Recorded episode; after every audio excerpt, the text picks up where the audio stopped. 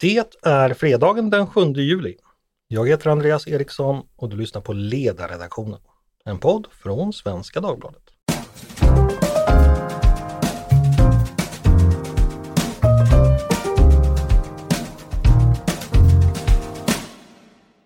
Varmt välkomna till oss igen, till ännu en fredagspodd. Vi har som ni hör inte övergett er i sommarvärmen utan kommer vara med er varje vecka. Varje fredag genom hela sommaren. Vad riket än drabbas av i form av torka, skyfall, senapsgula algblomningar, julistormar med gräddvita bränningar, sommarmord i anslutning till Statt i en okänd stad i Norrland, stöldturnéer i mörkaste Småland, ormbett, fästingbett och getingstick. Vi kommer vara med er genom stavhoppskval och åttondelsfinaler, genom nyhetstorka och rötmånadshistorier om förrymda lejon i Karelen och ubåtssiktningar i norra Kvarken.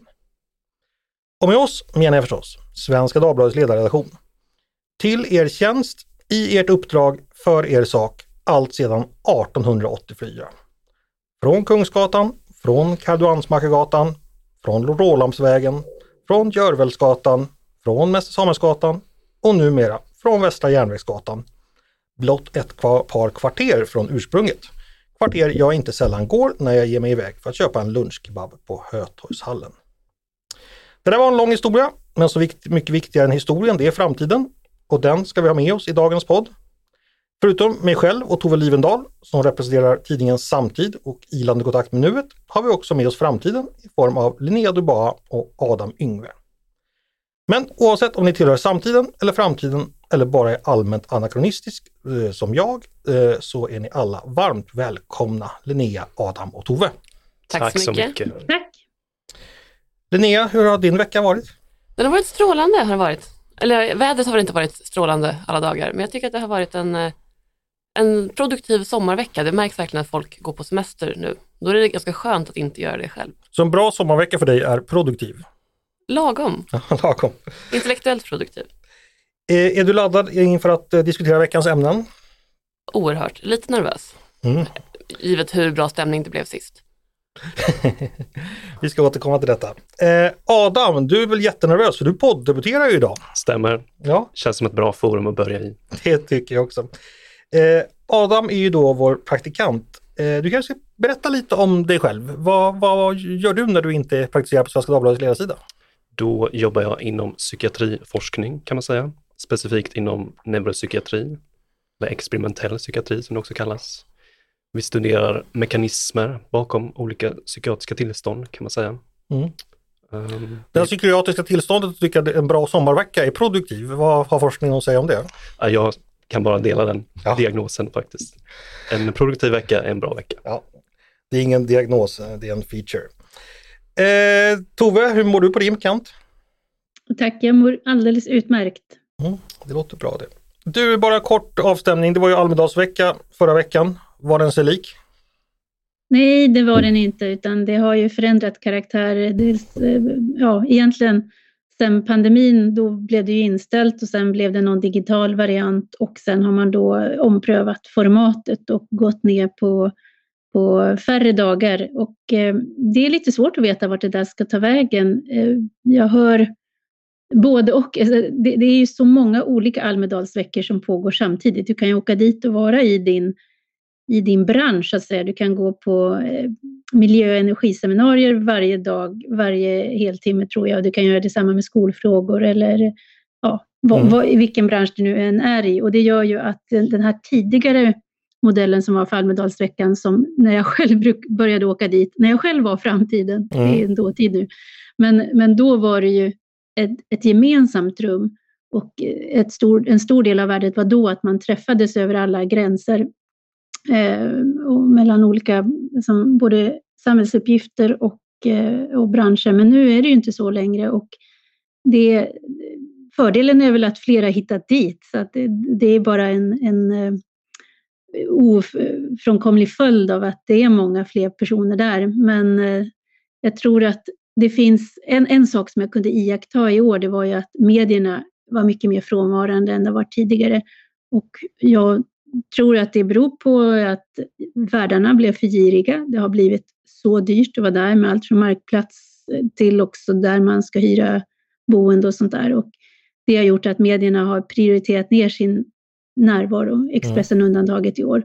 Och då tror jag att en stor del av, lite av så här, det kommer få följdeffekter som man inte riktigt kan förutse. Men, men en är ju att politikerna kanske också prioriterar ner närvaron. Och om politikerna prioriterar ner närvaron så blir det svårare att argumentera för sin arbetsgivare varför man ska åka dit och påverka politiken. Precis, för det är ju det man säger när man då äskar pengar i kommunikationsbudgeten för den här roséveckan, det är ju att man ska påverka politiken. Men gutarna är ju ett närigt folk, det vet vi ju sedan historien. Eh, men, men Tove, jag hörde att ändå att Expressen gjorde en ganska stor insats i år och var ett populärt mm, tillhåll för många.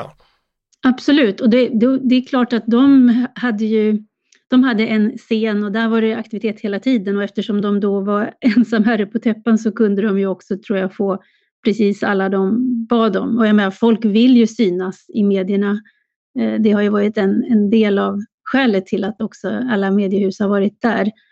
Det finns många scener att framträda från, men Expressen hade pole position i år kan man säga och eh, gjorde, hade många bra samtal. Jag tror det var många som hade det där som lite grann sitt vardagsrum, även om det inte medgavs sittplats utan ståplats. Men det, det är ju, och det tror jag också är för att där avhandlas sådana saker som inte är så mycket branschspecifika utan som är mer allmängiltiga. Är man allmänt intresserad av politik och samhällsutveckling så blir de där samtalen med politikerna om eh, lite olika frågeställningar, de blir mer intressanta än att kanske dyka in i ännu ett specialiserat seminarium på just det egna området. Mm. Och den här pole position, Tove, ska vi inte försöka plocka åt oss den nästa år? Ja, jag Snälla. tillhör ju de som tycker att det har varit fantastiskt trevlig mötesplats för Svenska Dagbladet i Almedalen. Vi har haft ett stort tält vid Hamnplan och eh, där har det funnits plats både för redaktionen att kunna sitta och arbeta. Vi har haft eh, olika event, jag har haft mina elva kaffesittningar där och så har det funnits gott om plats för eh, ja, allmänheten att komma och sätta sig och läsa tidningen en stund, ta en kaffe, prata lite grann med kanske någon journalist och sådär. Så att jag har verkligen uppskattat den mötesplatsen. Men jag har också all förståelse för att kostnaderna har dragit iväg över alla bredder och det är, de måste ställas emot allt annat. Så jag hoppas väl att värdarna eh, blir mindre näriga och gör det ekonomiskt möjligt för mediehus att prioritera närvaro där. Jag tänker precis som du Tove. Jag tänker mer Pims i och för sig, men annars tänker jag precis som du. Så jag hoppas det blir så. Uh, watch out Viktor, vi kommer också tillbaka till Almedalen. Hörni, uh, det är hög tid att dra igång med veckans ämnen, ty de är som vanligt många och pockande. Och jag tänkte vi ska börja med det som är veckans, sommarens, vår tids stora ämne, nämligen det svenska NATO-medlemskapet. Det har snart gått 14 månader sedan Sverige och Finland lämnade in sin ansökan Finland är ju som bekant redan medlemmar, inte vi. Och nu väntar en väldigt spännande och avgörande vecka med NATOs toppmöte i Vilnius eh, som final. Statsminister Ulf Kristersson har ju besökt Joe Biden och på måndag är det sagt att Kristersson i ett litet förmöte ska också ska möta eh, Turkiets president Erdogan. Tove, nu går vi verkligen in i avgörande tider. Vad vet vi om förutsättningarna inför det som komma skall? Ja, eh, vi vet att, att ingenting är klart förrän allting är klart. Eh, jag skulle, jag menar, det, det, är uppenbart att förutsättningarna för att Sverige ska kunna bli medlem eh, liksom, drastiskt gick ner i förra veckan och samtidigt så har väl det här mötet med Kristerssons möte med Biden gjort att man behöver inte liksom, man vill, allt hopp är inte ute. Eh, utan det finns fortfarande en förhoppning om att det här ändå ska kunna gå i hamn på något sätt. Eh, och det handlar väl då framförallt om USAs möjlighet att blanda in, lägga saker på bordet som är av intresse för Turkiet och det är väl i första hand de här F16-planen som det handlar om. Det låter på dig då så att Sverige kan kanske inte göra så jättemycket mer just nu utan det här ligger på andra parter, kan man säga så? Ja, jag menar, Sverige har uppfyllt, så som jag ser det, sin del av avtalet. Eh, sen är det ju klart att hela den här uppmärksamheten kring de här koranbränningarna har inte hjälpt vår sak därför att det blir eh, de har ju ett symbolvärde som är, mycket större, skulle jag säga, i, i den delen av världen där Erdogan sitter än i Sverige. Och eh, det, det, det, det, det är uppenbart, jag tror att det, det gör det svårare för Erdogan att, att trycka grönt ljus än om det där inte hade förekommit. Linnea, vad tänker du? Eh, du har ju också följt den här mer än årslånga processen. Var är vi nu någonstans? Jag har ju det och jag delar Toves bild i mångt och mycket får man väl säga. Det är mycket vi inte vet om vad som egentligen hänger, eh, händer i de här stängda rummen. Diplomati är en svår och intrikat konst och mycket når väl aldrig riktigt dagens ljus. Men koranbränningarna verkar vara ett problem nu. Sen hur stort det är, svårt att säga. Mm. Kanske inte så stort egentligen. Ja, för precis Tove, nu säger du att koranbränningarna har varit jätteviktiga, men är det verkligen så eller hur mycket används det som svep, svepskäl eller vad tänker du om det? Ja, alltså det spelar ju ingen roll vad, här, om, om de används som svepskäl för att säga nej så blir de ju de facto ett problem. Mm. Eh, så det, det, är ju bara det att det, i, en, i den här, så här, vi är ju i en situation där det inte bara handlar om, eh, och så har det ju varit från första stund, det har ju inte handlat bara om, om NATO-landet Turkiets bedömning av Sverige som en, en fullvärdig partner i samarbetet, utan det här har ju utgjort en möjlighet för Erdogan att använda sig av det man brukar kalla för inrikes utrikespolitik, att använda situationen för sina egna syften. Och eh, det, det upphör ju inte. Och, där, och i den, den, eh, den relationen så blir koranbränningarna ett sådant kort. Och sen är det ju Erdogan som delvis bestämmer hur mycket det ska få spela roll, men eh, det kan ju också finnas påtryckningar som han känner att han vill gå till mötes därför att det gynnar hans sak i ett annat sammanhang. Mm. Det... Adam, om Sverige blir NATO-medlemmar nästa vecka, hur firar vi? Bra fråga. Vi får börja med att skriva om det, antar jag. Ja, det är också ett sätt att fira. Det kanske var produktiva rent Ja, exakt. Eh, nej men Adam, du har ju också eh, följt det här då.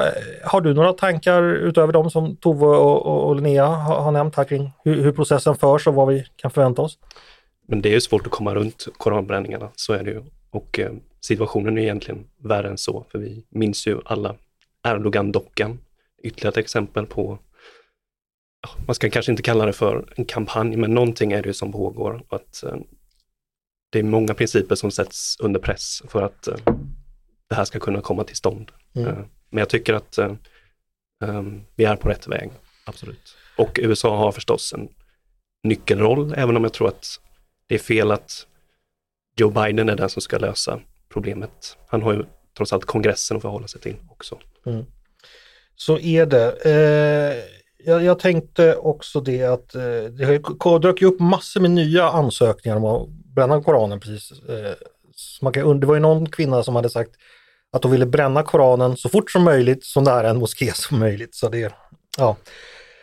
det verkar man ha verkar, vissa tydliga av, avsikter. Eh, då kan vi gå vidare till det ämnet, eh, för det var mitt nästa ämne på, på, på, på listan. Det är just koranbränningarna som blivit lite av en folksport på sistone.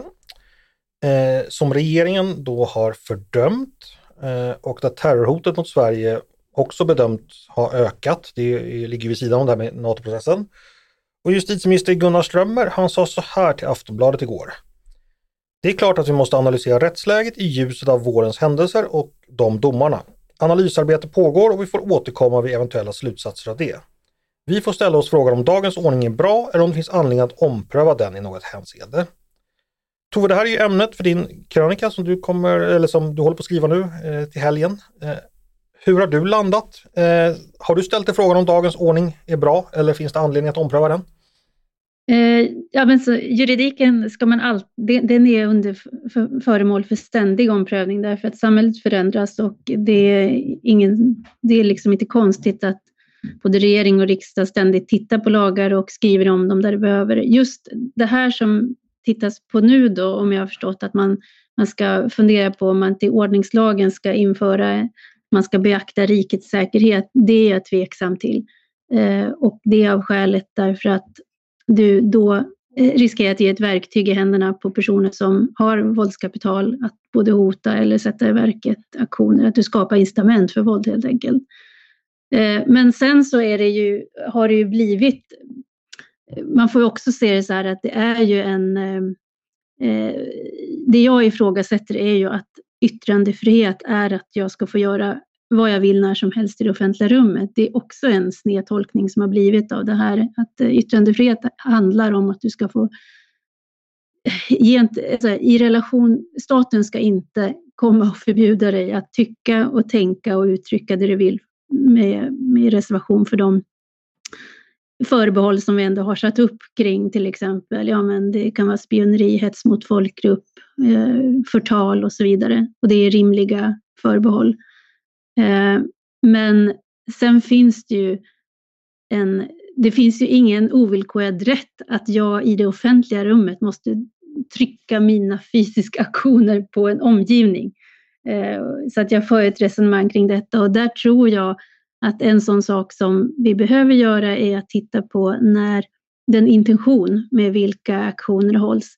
Och om intentionen är att på ett säga, mer diffuset kanske uttrycka olaga hot. Om du ställer dig liksom och bränner tåran utanför en synagoga eller en judisk skola eller om du ställer dig och bränner en koran utanför en moské så är inte syftet bara att upplysa allmänheten om dina åsikter utan då är det att, att göra någonting mer. Och där tycker jag att vi behöver ha en diskussion om det är någonting som vi ska ha i det offentliga rummet och där blir mitt svar nej.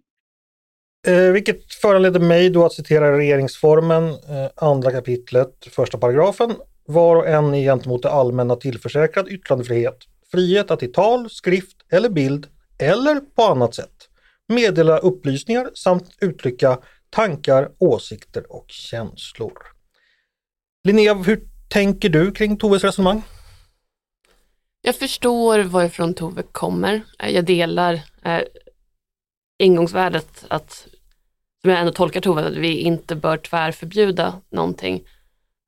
När det kommer till huruvida en fysisk aktion kan jämställas med ett yttrande så måste jag ändå säga att jag tycker att det kan det. Um, oavsett om det handlar om konstnärliga yttranden eller politiska yttranden så kan formen påverka innehållet och mottagandet. Och av yttrandefriheten skulle jag ändå också säga följer att du bör ges tillträde generellt även till de offentliga rummen. Du, du har ingen rätt att skriva i en tidning eh, nödvändigtvis, men att stå på gatan där folk hör dig är en förutsättning för att du ska höras. Mm. Om du bränner en koran i skogen så är det ingen som märker det och då har du kanske inte bränt den. För den, här, den här diskussionen som Tove gör att det offentliga rummet ska behandlas lite annorlunda om det råkar ligga en moské i närheten eller en synagoga. Att du inte har rätt att stå just där. Spelar det någon principiell roll? Eller tänker du att... Det spelar eventuellt en principiell roll på så sätt att man snarare man, man har skäl att se på det som att man rör sig från den allmänna yttrandefrihetsfrågan till ja, men egentligen en förolämpnings och kränknings... Trakasseri av en enskild grupp. Ja, men liksom. precis, och då, då finns det redan eh, undantag för yttrandefriheten om man tolkar det som eh, förolämpning eller hets mot folkgrupp utan, utan andra syften.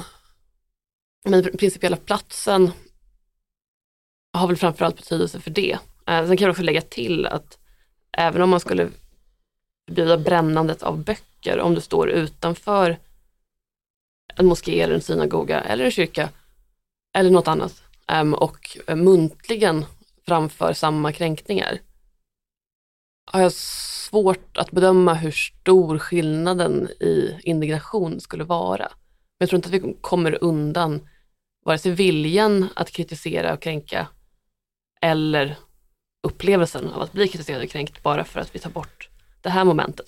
Även om vissa texter är väldigt mycket heligare i vissa traditioner än i andra. Tove, du fick lite mothugg där. Vad tänker du? Nej, men jag tycker att det är liksom, det, vi, har ju, vi, kan ju, vi kan ju avslöja att vi har resonerat om den här frågan under ganska lång tid och vridit och vänt på det. Och eh, det jag tycker är viktigt just är att inte låtsas som att saker och ting är så tvärsäkra, utan här är det olika principer. Eh, en del av dem krockar med varandra och där blir den svåra, här, hur väger man av dem och hur bedömer man? Eh, jag tror ju att det här med intention är viktigt. Så behandlar vi till exempel då när det gäller ordningslagen andra saker som förekommer i offentliga rummet som till exempel nakenhet eller så. Där, där gör vi skillnad på vad, just vad intentionen är. Eh, jag, skulle själv, jag, jag var med om till exempel en stor cykeldemonstration i London när jag var där senast. I 30 graders värme så kommer typ 500 personer och cyklar nakna genom London. Och jag funderar på hur obekvämt det är på en skala när man sitter på, naken på en cykelsadel. Men det var för klimatet som man cyklade igenom då. Och där blir en nakenhet inte någonting som... Det blir, det blir snarare en muntration och man kan liksom dra på munnen och tycka att det där var ändå ett käckt tilltag. Det är ingen som behöver känna sig hotad eller kanske förolämpad av det. Men om det skulle gå runt liksom eh, naken person med ett, ett, liksom, ja, inte vet jag. Jo, Tove, du vet. men med en uppenbar sexuell, eh, så här, ja. Vi förstår, eh, vi förstår, okej. Okay, ja, precis. Så skulle jag känna mig mer liksom eh, intimidated i det offentliga rummet av den sortens nakenhet. Så det, det, är ju, och där behöver ju när vi tittar på de här sakerna så får man ju inte göra sig dum eller bli liksom oförmögen att förstå det utan att eh, och, och där tycker jag att all neutral mark är ju inte, eller all, all offentlig mark, offentlig plats är ju inte neutral. Um, hade ett resonemang med en, en, annan jurist om just, ja men ska NMR få göra sina aktioner vid Raoul Wallenbergs plats och sådär? Nej, jag vet inte om jag tycker att det är lämpligt. Uh, det är liksom, man kan, man kan ställa sig på ett torg och göra sina ha sin manifestation, men man behöver kanske inte göra det just där på samma sätt som vi tycker till exempel att en ja men, allmän plats, en kyrkogård, ja, vi be beter oss på ett annat sätt där än vad vi gör på ett torg till exempel. Jag tycker det är ganska rimligt. Mm. Jag ska strax släppa in Adam, bara en följdfråga Tove. Om man gör som du säger att vi bara tillåter koranbränningar på sig, med, nej inte Medborgarplatsen, där ligger moskén närheten, men Sergels torg eller Norrmalmstorg och sådär terroristerna bryr sig inte om det, för de vill spränga oss för att vi bränner Koranen generellt. Och Erdogan bryr sig inte om det, för han vill att vi ska förbjuda koranbränning helt och hållet. Så egentligen ditt resonemang, det är lite finlir som inte påverkar de faktorer som har föranlett hela den här diskussionen. Nej, men så är det och jag tycker inte att, jag menar, även om jag verkligen inte skulle vilja något mer än att, att Sverige blir medlem i, i NATO nästa vecka så är det inte det, den processen styr, ska inte styra den här frågan. Jag tycker ju också att i ramen för yttrandefriheten så ingår också att du kan stå utanför utländska beskickningar och, demonstrera mot staternas styrelseskick. Jag tycker du kan stå utanför Turkiets ambassad och bränna Turkiets flagga om det nu är det som du känner för att du vill markera någonting. Så det är inte så att eh, det, det, är inte liksom... Här, utgångspunkten är att nej, du får inte kränka någon därför att vem som helst kan känna sig kränkt av någonting. Men det menar jag är inte ställt mot att allting ska passera, att vi ska ha en helt gränslös syn på vad yttrandefriheten innebär när den tar sig uttryck i, i olika manifestationer, utan det måste gå att resonera om om till exempel det är någonting som blir ett diffust olaga hot eller en indirekt uppmaning till uppvigling. Och jag menar, en del av de koranbränningar som vi har haft i Sverige, de har varit med det explicita målet att frambringa våldsamma reaktioner och skapa, skapa kaos för att det då ska avslöja för allmänheten vilken, ja, vilken sorts religion islam är. Och det tycker jag ju tangerar gränsen för uppvigling. Mm. Och ni vet ju det, man kan inte ens tala om en stoppnål utan att någon enögd jävel känner sig träffad. Eh, detta citat som eh, tillskrivs Fritiof Nilsson, piraten, men som han faktiskt inte riktigt sa så. Adam, en lagom debutantuppgift här. Eh, du får utveckla tanken kring yttrandefrihetens gränser gentemot eh, nationens säkerhet, religionsfrihet eh, och terrorhot. Vad landar du? Hur lång tid får jag på mig? Ja, det ska gå snabbt. Det ska gå snabbt. Nej, men allvarligt talat, vad är din ingång i den här diskussionen? Vad, vad tänker du?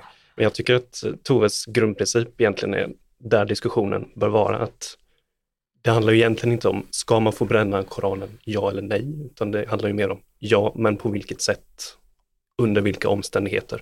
Du får göra det inom din privata sfär och du får även göra det i offentligheten, Men du kanske inte behöver göra det vid en moské Mm. till exempel.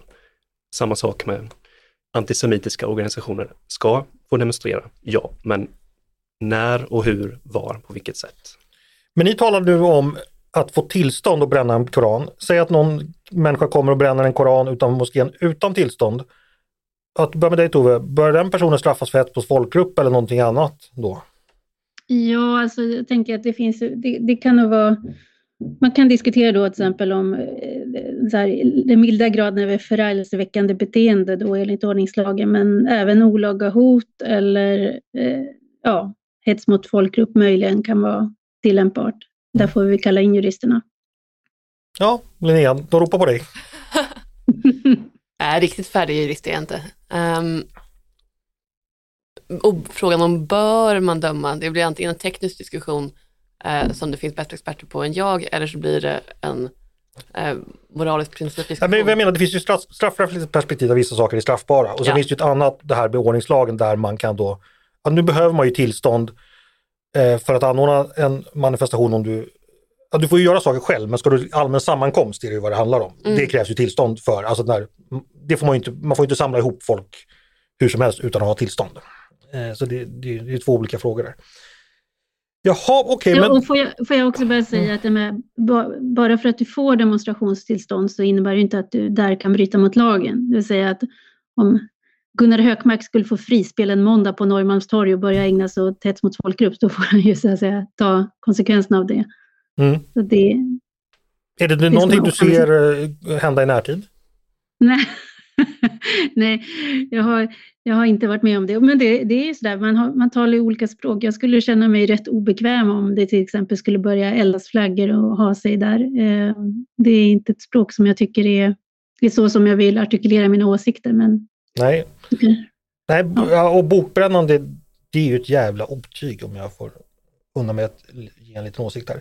Okej Tove, när eh, får lyssnarna ta del av dina tankar i pränt? Eh, ja, för de som är på hugget så kommer det ju ut en ESVD då på kvällen före söndag, alltså på lördag kväll klockan 20.00 och annars så finns den väl på nätet eh, söndag morgon klockan sex. Då ska vi ta och gå vidare och lämna koranbränningarnas tveksamma värld och då tänkte jag eh, Jo, en sak till förresten med koranbränningar. Nu gick ju eh, UD, eller utrikes, regeringen gick ut och fördömde de här eh, koranbränningarna. Tove, var det klokt? Jag vet inte, det, det gjorde man väl, eh, jag tror att man har gjort det från amerikanskt håll också. Det är här, man kan fördöma saker utan att vilja förbjuda någonting. Mm. Eh, och det är regering, enskilda regeringsledamöter har också yttrandefrihet. Och, eh, sen är det klart att det är alltid eh, när, när, när det kommer liksom ut från regeringen så blir det en annan, man kan ju då tänka, är det här indirekt liksom ett sätt att försöka tysta och sådär? Jag vet inte. Jag, jag, jag tror att man kanske kunde hantera det på ett mer diplomatiskt sätt, men det är inte en, eh, det är inte en gigantisk fråga i mina Mm. ögon. För där var ju under Muhammedkrisen 2006, då var ju det som faktiskt var en av de stora knäckfrågorna då Anders Fogh Rasmussen som var dansk statsminister då vägrade att fördöma de här eh, Muhammed-karikatyrerna. Nu ska jag säga att karikatyrer är något helt annat än bokbränning men och det för att han menade att jag ska inte lägga mig i vad tidningar i mitt land, ja det är inte mitt ansvar vad publicister väljer att skriva och därför ska jag inte heller fördöma det. För börjar man fördöma då gör man ju sig själv så att säga till ansvarig för Mm. allting som Mm. händer i Sverige. Tove, vad tänker du om det resonemanget? Jo, men absolut. Det är alltid den risken då att har du gjort det en gång så blir, sätter du någon standard. Och om du inte, väljer att göra det, någon, någon, inte göra det en annan gång så kan du få den här Twitter-logiken på jaha, så det här tycker du är okej. Så att eh, absolut, det är ju att binda ris för egen rygg. Mm. Att, alltså, alltså, risken att sätta något prejudikat som du inte kan eller ska liksom, fullfölja sen. Och jag passar ju på att nämna att det här är ju inte första gången Sverige som stat har fördömt eh, liknande. När Aftonbladet publicerade artiklar, eh, Aftonbladet Kultur, om påstådda organstölder i Israel. Då gick Sveriges utrikesrepresentation faktiskt ut genom sin ambassad i Tel Aviv och skrev så här på hemsidan. Eh, artikeln är lika chockerande och motbjudande för oss svenskar som den är för israeliska medborgare. Vi delar den bedrövelse som den israeliska regeringen, medier och den israeliska allmänheten uttryckt. Ambassaden kan inte annat än klart ta avstånd från den. Det tyckte jag den gången var ett ganska stort övertramp att en Mm. svensk myndighet attackerade en publicering i en svensk tidning. Eh, Mm. Och det, tog, det, det visade sig sen att ambassadören då eh, hade agerat eh, ja, på eget initiativ helt enkelt. För från UD i Stockholm tog man avstånd från det. Hur man nu kan göra det, för man tillhör ju samma utrikesförvaltning, men, men, men man gjorde det i alla fall. Så det har hänt tidigare, tänkte jag. Eh, nu ska vi gå vidare. Då ska vi se oss ut på sjön tillsammans med Linnea. Och innan vi gör det tycker Linnea att vi ska ta oss ett par järn. Nej, men du har ju skrivit i veckan där du skriver att du tycker dagens sjöfyllelagstiftning är sneseglad och skapar fler problem än de löser, den löser. Varför det?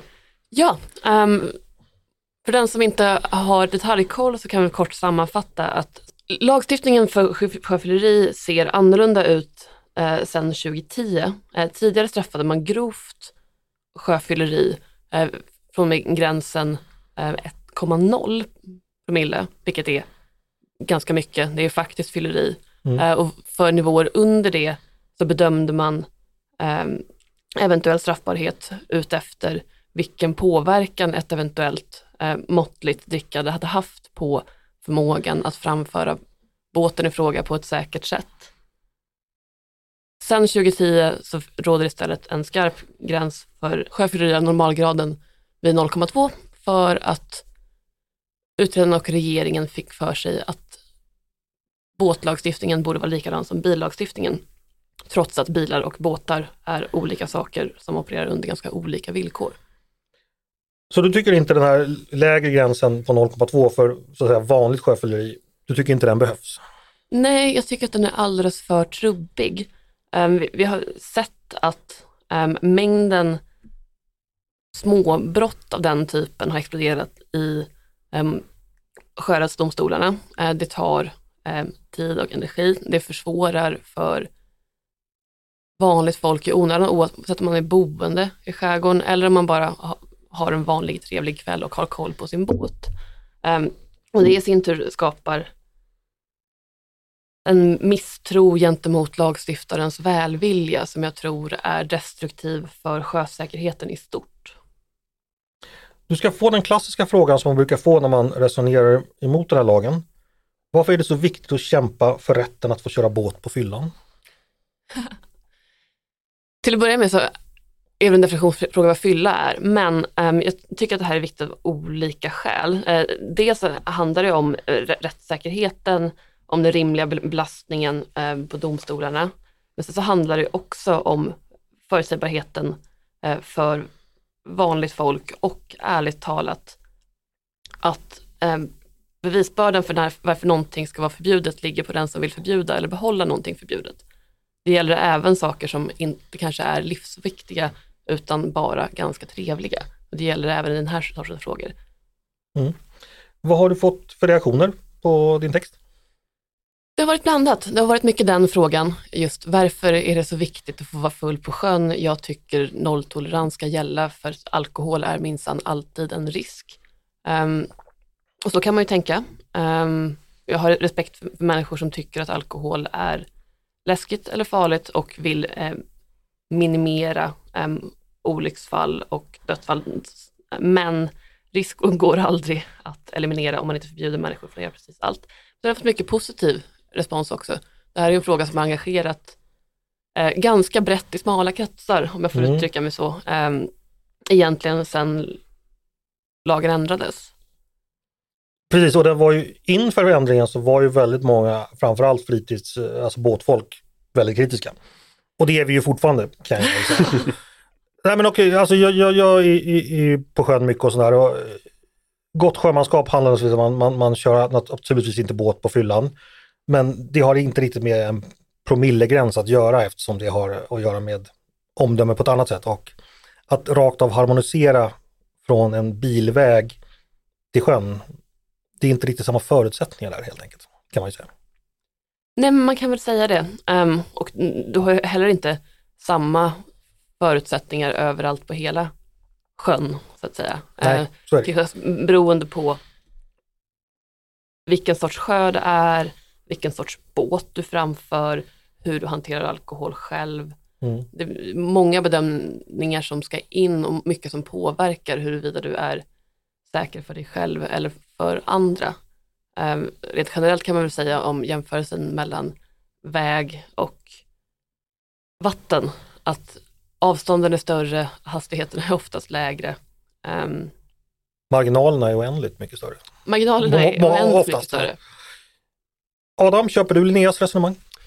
Eh, Jag har faktiskt ingen relation till sjön på det sättet som vissa andra i rummet har kanske. Men eh, det är ju som Linnea skriver i sin text att man känner igen förmynderi när man ser det och det här är ett bra exempel på det att eh, lagstiftaren försöker skicka en signal att man behandlar bilar och båtar ungefär likadant trots att det egentligen är äpplen och päron. Och det är faktiskt ganska roligt när man läser propositionen från 2009, eh, signerad Beatrice Ask hä- händelsevis, eh, där många av remissinstanserna, även en hel rad domstolar, invänder mot 0,2-gränsen med hänvisning till att det finns inte tillräckligt tydliga belägg för att det här behövs. Det här framstår som nykterhetsmoralism. Det tycker jag är ganska talande och ärligt talat ganska roligt. Alltså hovrätterna i Norrland tycker att de behöver påtala för regeringen att det här är inte ändamålsenligt, det här handlar om någonting annat. Eh, nu har vi ändå haft den här lagen i 13 år. Kan man utvärdera den på något sätt, tycker du? Det uppenbara sättet är att titta på, om man nu vill eh, göra så, ehm, titta på olycksstatistiken. Ehm, se om olyckorna har minskat i hög grad, om dödsfallen är färre, om man tänker att det är skademinimering man vill åt. Och gör man det så ser man ingen märkbar effekt. Um, I synnerhet dödsfallen på sjön har minskat stadigt sedan fler decennier än vad eh, den här lagen har varit i kraft. Ja, det är väl från på 70-talet, eller så Mm. länge man har statistik så blir det säkrare på sjön helt enkelt. Det blir säkrare och säkrare. Ehm, de allvarliga olyckor som trots allt sker handlar många gånger om fall när man är över 1,0 promille, det vill säga faktiskt sjöfylleri som mycket sällan kan sägas, om någonsin kan sägas vara ansvarigt. Och också många gånger om eh, småbåtar som inte omfattas av lagstiftningen, eh, Mm. roddbåtar eh, och liknande, kanoter. Det. Så att om utvärderingen utifrån olycksstatistiken kan väl inte säga att någonting drastiskt har blivit bättre. Ja, Adam, du ville säga något? Ja, om vi är överens om att, för det verkar ju som att vi är där, just att det här handlar om slags förmynderi, så får man, får man ändå inte påpeka att det var en borgerlig regering som skärpte reglerna. Det, det får man. Ja. Eh, tack alliansregeringen, men nej tack. Så ska man väl säga i hela den här diskussionen att jag, man har förståelse för de som ändå tycker att man ska vara försiktig med alkohol. Men man kan vara försiktig med alkohol på olika sätt. Mm. Eh, Tove, vad tänker du? Sjön går tre meter hög, dansingen gatt. Ska man få ta sig lite rom för att lugna nerverna? Nej, det ska man naturligtvis inte få. Jag ska, man ska med sånt. Nej, men jag, jag tror att det viktiga här är, som Linnea pekar på, det är ju att lagstiftning måste resonera med människors uppfattning av verkligheten och om den inte gör det så kommer det att leda till att folk tappar tilltron till lagstiftaren och eh, struntar i lagen i alla fall. Mm. Så det, det är väl det som är viktigt, att de måste, de måste hänga ihop med det de ändamål. Och sen är ju min erfarenhet av inte jättemycket eh, av sjön, men lite grann och även liksom av båtfolk om man uttrycker det så. Och eh, min, min, Eh, mitt intryck är där att det generellt sett är personer som är, är, är så här, väldigt mycket i att liksom hålla hyfs och ordning och följa reglerna och det finns liksom en slags hederskodex för hur man beter sig i båtar eh, som jag tycker jag märker av. Så att det, och de här då som, som blir, som ägnar sig åt grovt sjöfylleri, ja det, det, är no, det är någonting som sitter där. Det är inte lag, lagen som förhindrar dem att bete sig obetänksamt, utan då finns det ett alkoholproblem snarare att ta hand om. Mm. Hörni, vi ska gå vidare. Eh, och Adam, då ska du upp till räkning. Eh, du har ju skrivit i veckan flera artiklar, väl, vällästa. En handlar ju om ett jätteintressant ämne som har varit eh, väldigt aktuellt, nämligen forskningsfinansiering. Och det som håller på att hända och diskuteras där. Eh, du kan väl kort eh, referera, vad, vad, vad, har du, vad har du skrivit om och vad tycker vi i frågan?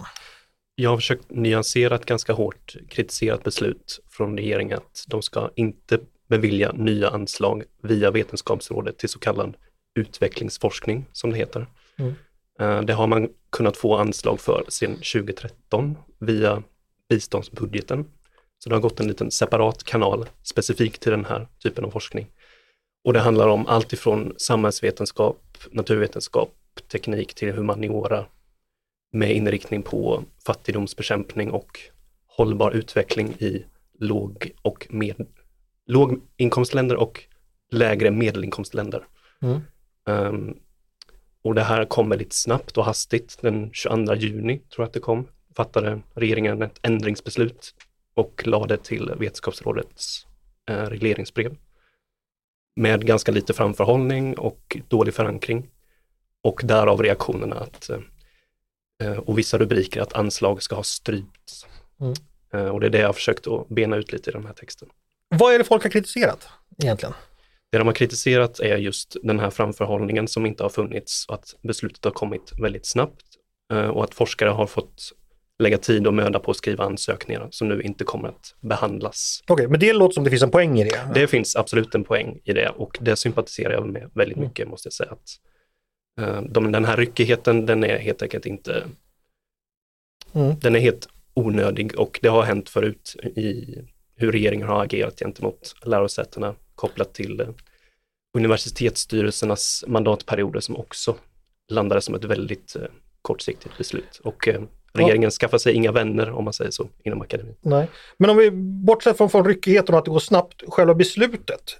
Är det, hur, hur rimligt tycker du det är att man plockar bort den här speciella kanalen för forskningsfinansiering? Det ingår ju eh, egentligen i regeringens omläggning av biståndspolitiken i stort, att man prioriterar om biståndet Mm. generellt för att det ska gå till att stötta Ukraina och närområdet Mm. framför allt. Och det syftet får man ju ändå betrakta som vällovligt.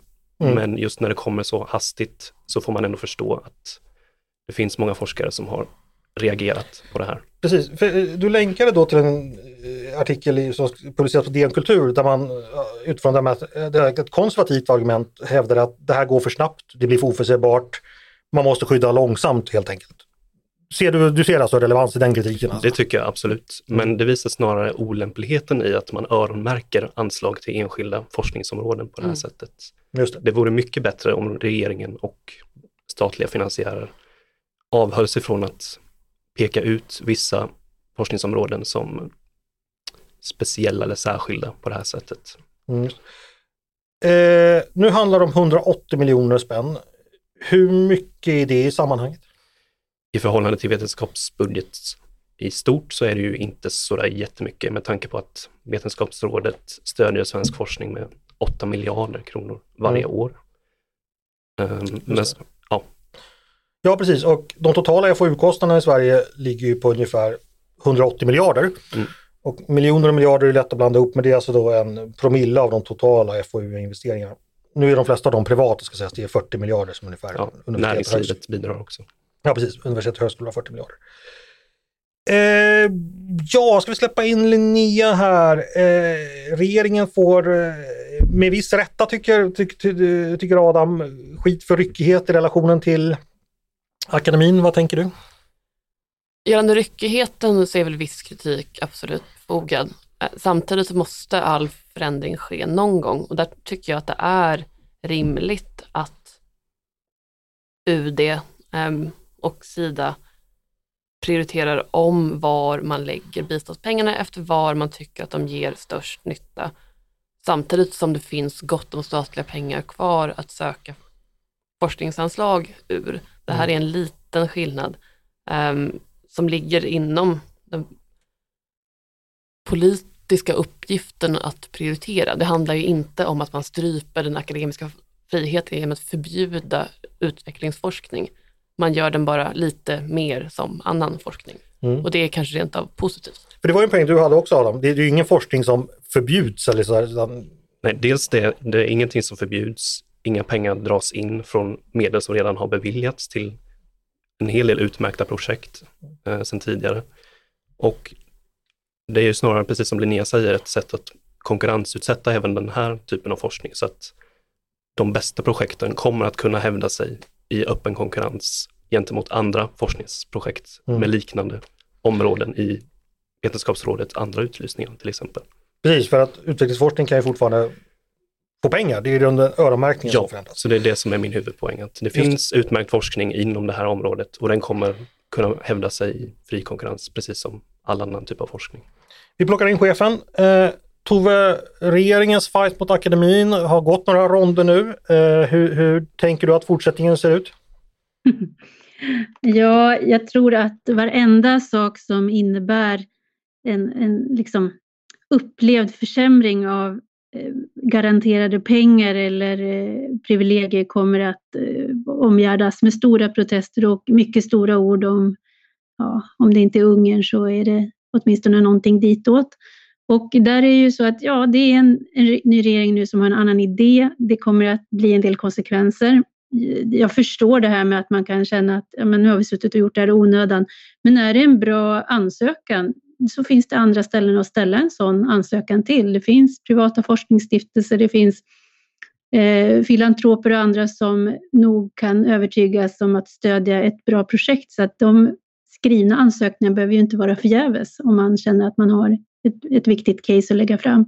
Och som sagt, man kan också stoppa in det i den det allmänna ansökan. Så att det finns ju, vi har ju också ett, en akademi som är otroligt präglad av att vara, det är liksom statliga myndigheter och det, är, det, finns en, det, det riskerar precis som för civilsamhället i de länder där det är liksom höga skatter och man, liksom har, man, man har behov av att hålla sig väl med det politiska så uppstår ju också en ganska stor fantasilöshet i just till exempel finansieringsfrågor. Och det, vore, det, det är bara bra tror jag att man ibland påminner om att man behöver sälja in sina projekt eh, och inte ta för givet att det ska komma.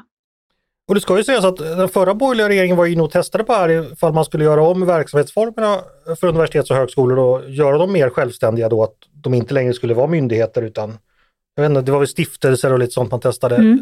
Akademin var inte jättesugen på det. nej, det var Så inte att, det. eh, det har man tackat nej till själva. Hörni, vi ska gå vidare. Eh, någonting väldigt dagsfärskt. Fortsätt med alkoholen. Fortsätt med Linnea. Då, eh, idag på morgonen meddelade våra vänner i Högsta domstolen i en dom som rör Systembolaget Oasis Winefinder, ett svenskt företag med danskt dotterbolag som kränger vin på nätet.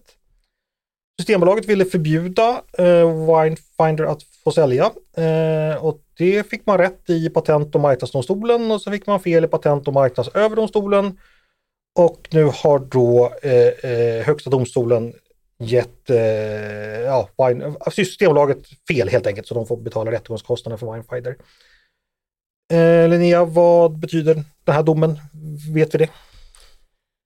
Det vi vet är väl att det i grunden är ett förtydligande av hur rättsläget ser ut som man egentligen kunnat räkna sig fram till eh, redan innan mot bakgrund av diverse processer mot kommissionen där eh, man på europeisk nivå haft problem med detaljer i hur det svenska detaljhandelsmonopolet ser ut. Det den här domen gör är att den gör det väldigt tydligt att detaljhandlare som är baserade i andra länder kan distanshandla eh, med privatpersoner i Sverige. Så det går att eh, beställa, erbjuda en tjänst där man beställer vin på nätet och får hem det så länge bolaget eh, befinner sig och har riktig verksamhet någon annanstans Mm. i EU, bara inte här. Sen så är väl risken att det här betyder att regeringen får för sig att täppa till hålet med tanke på att eh, kristdemokrater ganska ofta är kristdemokrater. Ja, Forssmed har ju redan varit ute. Jajamän, det- gick fort. Men här ska inte täppas till några jävla hål. Och vi får bestämma. Nej, det tycker väl inte jag. Um, huruvida det hotar monopolet eller inte och huruvida det är dåligt eller inte. Om man lägger det åt sidan en stund så är det här en rimlig och bra tjänst. Trevlig. Mm. Ehm, leverantörer som erbjuder någonting som inte funnits tidigare, eh, smalare sortiment hemskickat till en. Jag skulle gärna se att man fick hem eh, specialanpassat vin även till sin eh, på internet färdigbeställda matkasse Och Jag tycker att det känns som en del som skulle fungera i ett normalt och civiliserat och gott samhälle. Och monopolet borde givetvis avskaffas också. Mm. När jag var barn, eller när jag var ung så fanns det eh, rykten, jag tror, tror aldrig jag såg dem själv, men det fanns något som hette Öljouren. Man kunde ringa telefonnummer mitt i natten så kom de med några plattor öl och man, som sålde till överpris. Ja, det var ju inte godkänt enligt Högsta domstolen då, men det, är jättekonstigt. eh, Ja, en sista dagsfärsk grej. Det kom ju idag också nya direktiv till den här utredningen om friskolorna. Eh, Adam, jag vet att du kikade lite på presskonferensen. Har du något intryck av vad, vad, var, det, vad var det man ville? Det stora var väl egentligen att man lägger ett direktiv om ett så kallat eh, vinststopp. Man kallar det inte för vinstförbud eller vinstbegränsning riktigt, men man kallar det vinststopp. Så det är egentligen det som eh, jag tror kommer få mest uppmärksamhet, just eh, med tanke på var vi kommer ifrån mm. tidigare och hur friskolereformen har utvecklats över tid. Tove, blir du orolig när du hör Adam? Eh, ja, jag blir orolig när jag hör regeringen. Det är ju någonstans, eh, jag förstår inte varför en borgerlig regering ska genomföra Ilmar Reepalus politik eh, och acceptera den problemformulering som han har ställt. Det, finns, det finns en vård att göra av reformen, eh, så är det, men att börja i den änden är liksom, då, då är det, det är ju ett sätt att säga att nej, vi ska inte ha privata aktörer i, i skolvärlden. De kan inte finnas där. Eh, och det är ju på något sätt att kasta över bord allt värdefullt som också har kommit med skolreformen och det finns en massa värden av det som inte eh, som, inte, som, ja, som vi hade varit förutan den. Så att det, jag tycker det är synd att man, man, man böjer sig för de mest högljudda. Det säger du Tove Livendal. Eh, ja, vi ska gå vidare till mitt favoritmoment faktiskt det som heter Svar direkt. Då vi stresstestar våra ledarskribenters politiska reflexer och förmåga att blixtsnabbt skilja gott från ont och sant från falskt. Det går helt enkelt till så att jag likt ett inspel från Staffan Olsson som hittar Per Kalén på linjen ger mina kollegor ett likadant inspel där de direkt går till avslut. Och det gör man genom att ge ett kort binärt svar. Ja eller nej, för eller emot. Helt enkelt ge svar direkt. Adam, vet du hur det här går till? Jag vet, jag har lyssnat. Och du vet att man inte vill bli veckans folkpartist? Nej, Hörrni, inte alla. Inte alla, nej. Det har ju varit halvårsskifte, vilket innebär att vi har fått en hop med nya lagar. Jag tänkte kolla vad ni tycker om de lagarna. Första exemplet är att från och med den första juli så blir undersköterska en skyddad yrkestitel. Endast den som har fått bevis från Socialstyrelsen om rätt, har rätt att använda yrkestiteln. Eh, och för att få den så krävs en utbildning från gymnasieskolans vård eller omsorgsprogram eller motsvarande kompetens. Vad tycker vi om detta? Undersköterska som skyddad yrkestitel. Ja eller nej? Jag vill ha svar direkt. Nej. nej. Tove? Nej, eh, jag vet inte. Får man säga det? Ja, det tycker vi om. Det säger jag, jag vet inte. Eh, då ska Linnea berätta varför hon inte tycker om detta. Rent generellt så är yrkeslicenser någonting som ofta efterfrågas av grupperna i fråga som ett sätt att höja status och attraktivitet. Nackdelen med det är att det inte, oftast inte säger särskilt mycket om kvalitet, särskilt inte i bristyrken. Ja. Tills vi har sett um, resultat så tror jag att licenser generellt är fel väg att gå, särskilt på en europeisk marknad. Tove, bör ledarskribent bli en skyddad yrkestitel? ja, precis. Vi kan inte ha kreti och pleti. Nej, det, det, det tror jag inte. Okej, okay. vi tar en till då.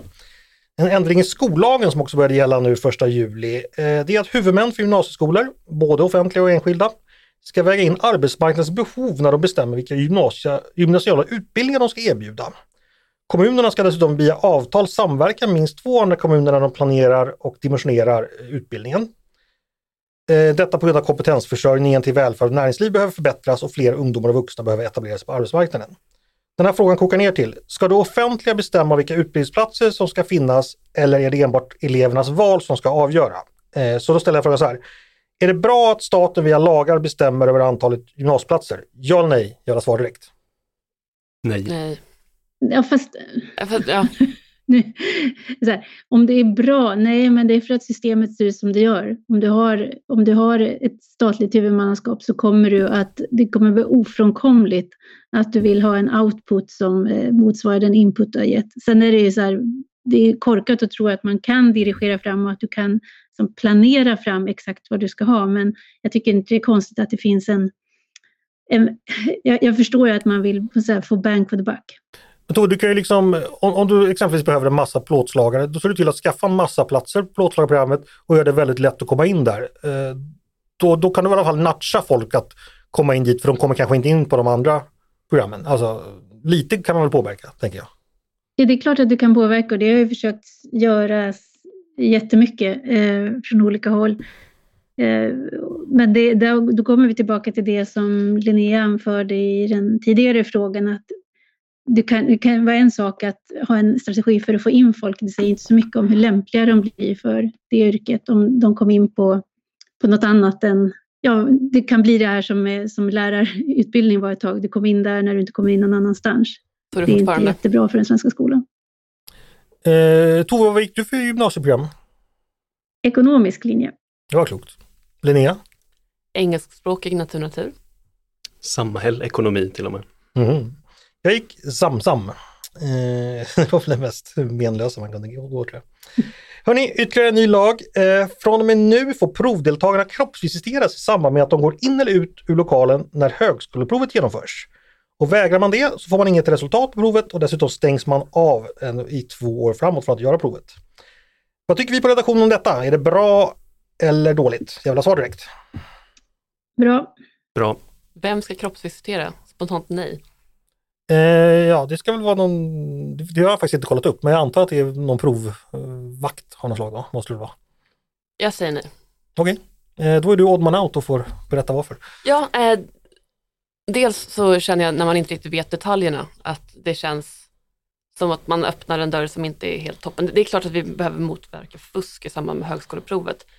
Hur en sån kroppsvisitering skulle se ut eh, i praktiken, liksom, pratar vi klappa ner folk. Att någon som ja. så jobbar extra med att vara provvakt det ska ägna sig åt det, det ska ha mandat att göra det med hot om avstängning. Det känns oproportionerligt. De stora problemen med fusk nu som jag har förstått är ändå så eh, klockor och chip i öronen och grejer. Och så här, då är det bättre att titta i allas öron, öron med en ficklampa. Eh, och är det, är det det man menar med kroppsvisitering? Ja, okej. Okay. Eh, men okay. det låter också dyrt, ärligt talat i förhållande till vinsten. Men integritetskränkningen att titta i örongång är okej, men inte göra något övrigt. ja, det gäller att ha rena öron när man går på högskolan i framtiden. Eh, Tove eller Adam, någon av er som ändrade er när ni hörde Linneas plädering här? Nej, jag tycker att det är så här, det är väl, och sen så här, inom rimlighetens gränser, jag tänker inte att det är någon slags rektalundersökning som blir aktuell, men jag vet, inte vet jag, du kanske kan sätta upp någon enkel båge som du kan gå igenom eh, och skanna av, eller också så har du, tar du in ett, ett eh, som köper in tjänsten och som gör det professionellt sköter det på Arlanda så kan sköta det där. Jag vet inte, men det är ju det är så här, om, om, om det blir så, vilket jag har förstått att de här proven, det, det, förekomsten av fusk blir mer och mer vanligt och metoderna mer och mer raffinerade, då måste man ju hitta sätt att stävja det, annars är det ju meningslöst att ha de där proven. Exakt. Hörni, vi ska gå vidare och nu har det blivit dags för mitt favoritmoment. Eh, det är det vi kallar Är du smartare än en ledarskribent? Ni känner vid det här laget säkert till momentet, men för nytillkomna lyssnare och deltagare ska jag kort förklara vad det går ut på. Det handlar om att jag en gång helt spontant körde en omgång På spåret med mina kollegor. Det var i januari 2022, mitt under oxveckorna. Resans mål var också mycket riktigt Oxelösund. Men inslaget blev så populärt både bland lyssnarna och bland mina kollegor att det helt enkelt har fastnat. Och det handlar om en frågesport där den kunnigaste vinner. Men inte alltid. För tre veckor sedan inträffade katastrofen som bara väntade på att ske med tanke på min oförmåga att föra protokoll i samband med sammanräkningen av poäng tilldömdes Mattias segern när det i själva verket vägde helt lika mellan honom och Linnea. Och Linnea berövades alltså chansen att vinna genom en utslagsfråga. Jag har förstås krupit i stoftet inför redaktionen i allmänhet och Linnea i synnerhet. Men jag förstår att felet inte kan göras ogjort. Skammen är min att bära och min enda tröst är att jag bär så mycket annan skam sedan tidigare så den relativa vikten av varje ny påförd skam faktiskt är ganska liten. Linnea, hur har tiden varit sedan dess? Har du kunnat bearbeta det här? Jag har haft lite svårt att sova. Eh, jag har haft lite svårt att säga god morgon och glatt till dig. Mm. Eh, om jag, jag har sett dina ögon. Mm. Men nu efter den här eh, offentliga ursäkten så skulle jag ändå säga att du nog faktiskt är förlåten. Jag har gått vidare i livet nu. Men trodde du att sån här in- inkompetens fanns på ledarredaktionen? Nej, jag gjorde faktiskt inte Nej, det. du får skaka dig till din lista. Är det så här det känns att växa upp? Precis. Linnea har erbjudits att få bestämma dagens ämnen, något hon givetvis har vägrat eftersom hon ville vinna hedligt och det hedrar dig förstås. Reglerna kan ni, man svarar genom att säga sitt namn. Vill man chansa innan jag läst färdigt frågan får man göra det, men då slutar jag läsa och man riskerar dessutom minuspoäng. Och nu så räcker Adam över ett papper och penna till mig så ska jag skriva mycket tydliga siffror här. Eller siffror och bokstäver L, A, T. Lat. Precis. Hörni, är ni redo? Yes. Ja. Eh, vi har pratat om NATO idag så jag tänkte att vi ska ställa lite frågor om den organisationen. Eh, var ligger organisationens högkvarter? NATOs. Linnea? Adam var först. Bryssel. Helt rätt. Vilken start! Första frågan. Hörni, hur förkortas NATO på franska? Adam. Adam? OTAN. Snyggt. Du kan du få guldstjärna och säga vad det betyder också. Eller vad det står för. Organisation. Någonting. Organisation eh, du Droit de Atlantique, Atlantique Nord. Ja, jag har ingen skolfranska tyvärr. Inte jag heller. Eh, hörni, Adam chocköppnade här nu. Linnea, Tove, ni är med ja, va? det är fantastiskt. Jajamän. Jag tror han har trimmat sina reflexer. Hörni, Sverige är förhoppningsvis på väg in i NATO. Eh, senast Sverige deltog i en allians av den typen, det var för över 200 år sedan då Sverige deltog som en av de allierade i det sista kriget mot Napoleon. Eller deltog, Sverige stred inte, men vi var med nominellt. Vad kallas denna sista allians mot Napoleon som besegrade honom vid Waterloo 1815?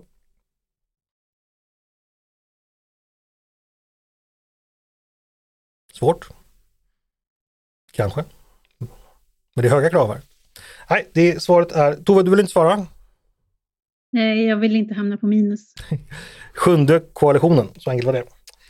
Waterloo, då tänker jag på ABBA 1974 med Waterloo. I vilken stad gick Eurovision det året de vann? Stad, inte land.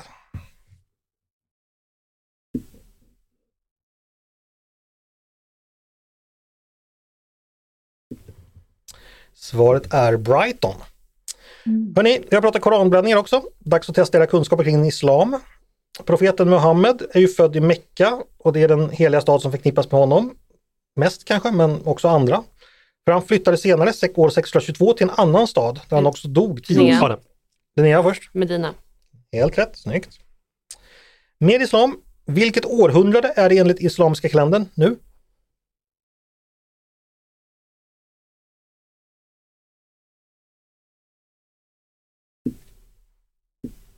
Linnea räknar på fingrarna. Kan ju chansa, man får inga minuspoäng i och med att jag ställt färdigt frågan. Ja, får man inga minuspoäng då? Nej, Ja. ja, det är ju skammen. Men, Ja. Linnea, ja. 15? Nej, det var fel. Minus. Nej, jag skojar. Rätt svar är 1400-tal, nämligen bestämt år 1444 är det just nu. Eh, och eh, i slutet på juli så är det årsskifte. Hörrni, vi har pratat sjöfylla, det är ju alltid intressant. Eh, och Eh, då är det ju så att lagen gäller när båtarna går fortare än 15 knop. Hur många kilometer i timmen motsvarar det om man avrundar närmaste tiotal?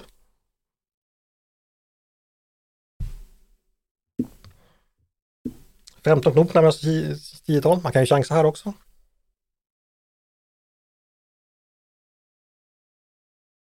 Nej, det är lite töst. Svaret är 30 knop, eller 27,8 närmare bestämt. Kilometer i timmen menar du? Är det med? Ja, kilometer i timmen, precis. Mm. Mera knop. Nu söker jag en klassisk knop som man skapar en fast ögla. I samband med att man lär sig att slå den här knopen så talas det ofta om en drake som dyker upp i en sjö. Linnea, Tove. Linnea först. pålstek. Helt rätt. Då går vi uppe på samma poäng som Adam. Spännande. Hörrni, om jag åker i en farledsriktning och får se en röd prick, på vilken sida om den ska jag passera? Ni åker i farledens riktning och ser en röd prick. Vilken sida ska jag passera? Här kan man ju chansa för det finns ju inte så många sidor. Tove. Tove, Jag måste, då, då chansar på babord. du ska passera på babord sida. Mm. Det är fel. Och nu får ingen fler gissa. Nej, det är så här att du ska ju ha den röda pricken om babord, eh, alltså på vänster sida, så du ska Ah, alltså ja, ja. passera på den på, på styrbordssidan. Mm. Det kunde ha gått. Det kunde ha 50% gått. chans. Eh, vad kallas på sjökort grund som ligger alldeles vid vattenytan, ibland över och ibland under beroende på vattenståndet? Namnet påminner om den brottsjö som uppstår när en våg bryter över grundet. Adam, Anna? Blindskär. Nej.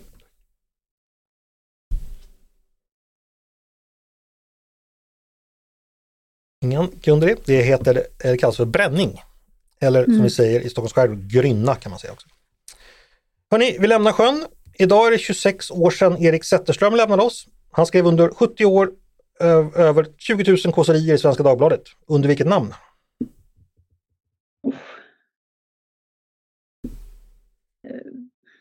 Erik Zetterström. Började 1922 tror jag och slutade 1995. Ja, Tove, det här, ja, det här är ju skamligt. Tove? Men hade, nej, men jag funderar på, hade vi en profil som kallades för Z? Eh, ja, det är ju en tidigare profil någonstans, det vet jag. Men när jag sökte nu var Kar de Mumma. Såklart. Såklart. Såklart. Oh, nu är skammen verkligen min här. Hörni, eh, Linnea och Adam har lika mycket poäng. Det blir en utslagsfråga mellan er. Oh. Närmast vinner och då får eh, Linnea svara sist som liten, li, liten guldstjärna från tidigare. Mhm. Eh, hur mycket såldes det totalt bostadsrätter för under 2022? Närmast vinner.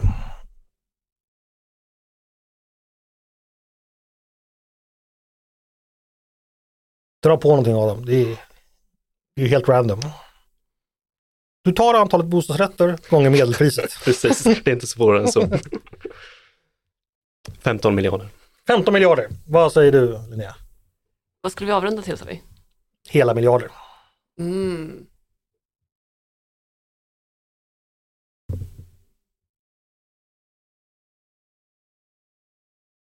Femton biljoner. 1500 miljarder. Nej, 15 biljoner det blir alltså 15 000 miljarder. Mm. Ja. Det var Adam närmast för det var 297 miljarder. Grattis Adam! Vilken start! Jag var inte ens nära egentligen. Ja, men du var närmare. Närmare linjen. Jag drog på lite för mycket. Ja. Jag tänkte det är bättre att vara i underkanten i överkanten. Hur känns det att vinna så här? Ja, mycket ärofullt måste jag säga. Ja, helt otroligt skulle jag säga. Mm. Det, Tove, har vi haft en debutant som har gått in på det här sättet tidigare? Nej, och du måste ju döpa om momentet. Är du smartare än en praktikant? Och svaret är ju nej. Ledarskribenterna var inte smartare än praktikanterna. Alltså. Det här, Nej, ja. exakt. Och, och Kardemumma var okänd för redaktionen. Det här, det här var ingen stor, stor dag. Nej, Men vi gläds med hoppas att Adam. folk ligger i sommarkoma. Tack. Hörni, då, det var det jag hade att erbjuda idag. Känner ni er nöjda med allting ni har fått säga? Linnea, är du nöjd? Jag är nöjd med allt förutom frågesporten. Jag skäms djupt. Mm. Och också kul att lyssnarna har fått märka tydligt att jag själv inte är båtperson, trots att jag står upp för båtfolkets rättigheter. Du talar inte i egen sak kan man konstatera. Tove, känner du dig nöjd med dagens program? Absolut, väldigt så. Vad bra. Och Adam, du är nöjd med din debut? Framförallt frågesporten. Ja, framförallt den. Då återstår bara för mig att tacka er. Tack så mycket alla tre. Tack. Tack själv Tack Andreas. Och tack också till dig som har lyssnat på dagens avsnitt av Ledarredaktionen. En podd från Svenska Dagbladet. Ni är varmt välkomna att höra av till redaktionen med tankar och synpunkter på det vi precis har diskuterat. Men också om ni har idéer och förslag på saker vi ska ta upp i framtiden. Den 14 augusti kör vi igång igen med dagliga poddar och då behöver vi massor med stoff och bra idéer. Så det är bara att höra av sig på ledarsidan snabla svd.se. Dagens producent i sommarvärmen han heter Jesper Sandström. Själv heter jag Andreas Eriksson och jag hoppas att vi hörs igen snart.